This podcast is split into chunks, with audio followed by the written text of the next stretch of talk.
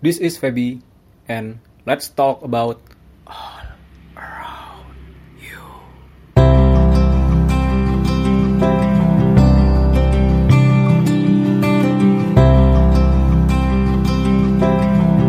Assalamualaikum warahmatullahi wabarakatuh. Selamat Idul Adha dan selamat berkurban, baik kurban sapi, kurban kambing, ataupun kalian yang kurban perasaan.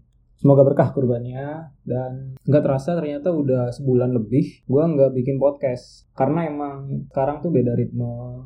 Ada kegiatan baru. Jadi agak sulit buat mengatur waktu. Bukan karena nggak ada ide cuman agak ribet aja. Agak ribet aja mau bikinnya. Karena waktunya beda ada kegiatan terus. Oke, dan pada episode kali ini gue bakal ngobrolin tentang uh, kata-kata dan bisa jadi sekedar pikiran kita yang ternyata adalah menjadi sebuah doa dan terkabul. Tapi terkabulnya nggak secara langsung, tapi setelah dalam waktu yang cukup lama, bisa beberapa tahun atau intinya saat kita udah lupa baru itu terjadi. Nah, untuk urusan ini, kali ini gue bakal ngobrol sama diri gue sendiri. Jadi ya ini nggak pakai orang lain lah pakai pengalaman sendiri. Dan contoh-contohnya juga dari orang-orang yang pernah cerita juga ke gue kalian pernah nggak sih ngalamin hal kayak gitu? Kayak kalian pernah ngomong sesuatu atau cuma sekedar kepikiran selewat doang dan ternyata hal itu terjadi. Gue rasa pasti semuanya pernah Cuman masalahnya adalah apakah kita ingat saat itu terjadi bahwa yang terjadi itu sebenarnya pemilihan kita, bukan bukan nasib atau apa pun itu, tapi itu adalah bentuk dari pengkabulan doa yang udah kita panjatkan sebelumnya. Mungkin bentuknya nggak secara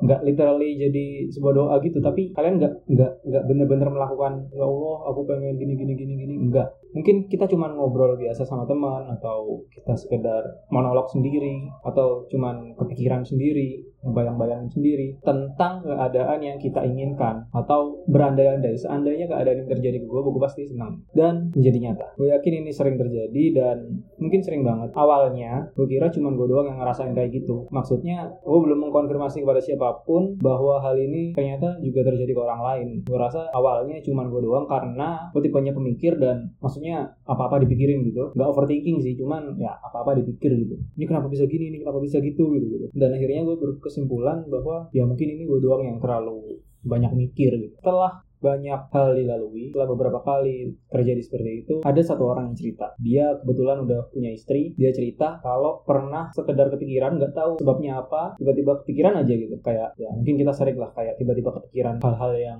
yang nggak pernah kita pikirin gitu. Dia mikir kalau dia itu uh, peduli sama istrinya bukan sekedar kayak anak pacaran atau apa pun itu tapi bener-bener peduli yang sampai sepeduli-peduli. Dan dia juga kepikiran kalau misalkan isi istrinya ini sakit apa pun itu dia pasti merawat merawat dia pasti peduli banget ke dia segimana dia akan memperlakukan orang yang paling penting dalam hidupnya atau memperlakukan dirinya sendiri. Dan suatu waktu hal itu terjadi dan si suaminya baru ingat setelah hal itu terlewati setelah istrinya udah sembuh. Jadi dia udah memperlakukan istrinya udah kayak ngerawat bayi baru lahir lah karena istrinya sakit lumayan parah dan itu gue akhirnya nyadar oh ternyata bukan gue doang yang ngerasain kayak gini ternyata ada orang lain lagi loh. Dan ada juga beberapa temannya yang cerita hal yang ya kurang lebih sama apa yang diucapkan apa yang dipikirkan itu bisa terjadi. Dan untuk kasus gue sendiri sebenarnya yang terjadi adalah ada salah satu contoh yang gue alamin itu adalah saat gue pengen telah lulus kuliah ini kondisinya lagi diskusi sama temen waktu lagi skripsian dan kebetulan skripsi gue kan kemarin itu ngerjain di lapang sekaligus kerja di sana ditambah. Jadi teman-teman gue yang udah lulus tepat waktu mereka udah bisa main melihat story story instagramnya mereka lagi ngopi lagi ngobrol-ngobrol sama teman-temannya lagi reuni SMA dan lain-lain. Intinya mereka refreshing setelah lulus dan gue mikir pengen kayak mereka yang setelah lulus itu bisa main. Nggak kayak ini ceritanya gue sekelas sama teman gue juga yang belum lulus ditambah. Nggak kayak nggak kayak kita kita ini kita belum lulus aja udah kerja. Gitu nggak ada waktu buat leha-leha dulu nggak ada waktu buat senang-senang dulu. Dan selesailah.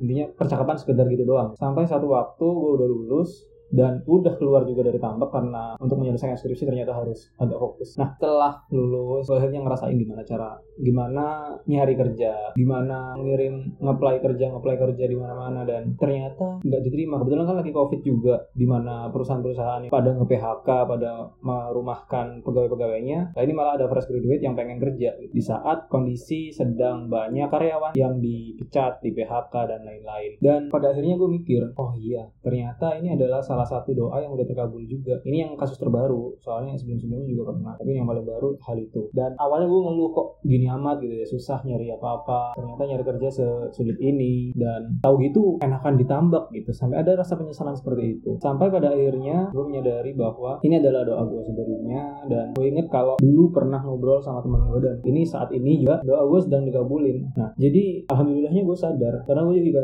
juga yakin bahwa mungkin banyak dari kita yang nggak sadar akan hal itu. Kita terlalu asik mengeluh kita terlalu asik mengutuk keadaan sampai-sampai kita lupa bahwa kita pernah berharap hal itu untuk terjadi. Dan gue yakin gue percaya kalau segala hal yang terjadi itu nggak secara tiba-tiba. Pasti ada alasannya pasti ada sebabnya. Nggak mungkin sesuatu itu terjadi ya terjadi terjadi aja tanpa hal apa pun yang memicunya gitu. Kayak perubahan iklim aja ada yang memicu gitu. Bukan nggak bisa kita bilang kenapa bumi semakin panas?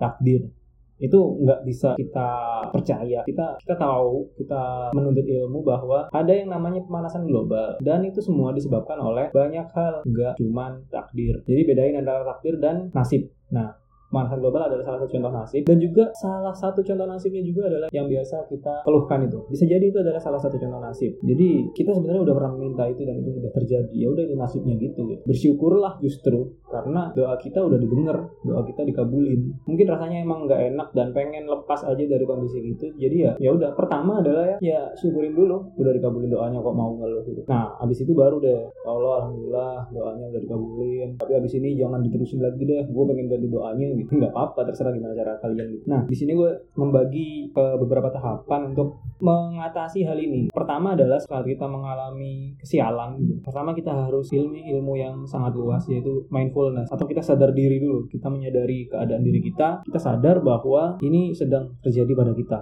Kita sadar bahwa hal buruk sedang terjadi. Atau hal yang kita anggap buruk itu. Misal ban bocor kita sadar oh ini ban ban gue lagi bocor terlepas dari itu baik atau buruk, kita harus sadar apa yang sedang terjadi. E, seobjektif mungkin lah, lepasin semua sudut pandang subjektifnya.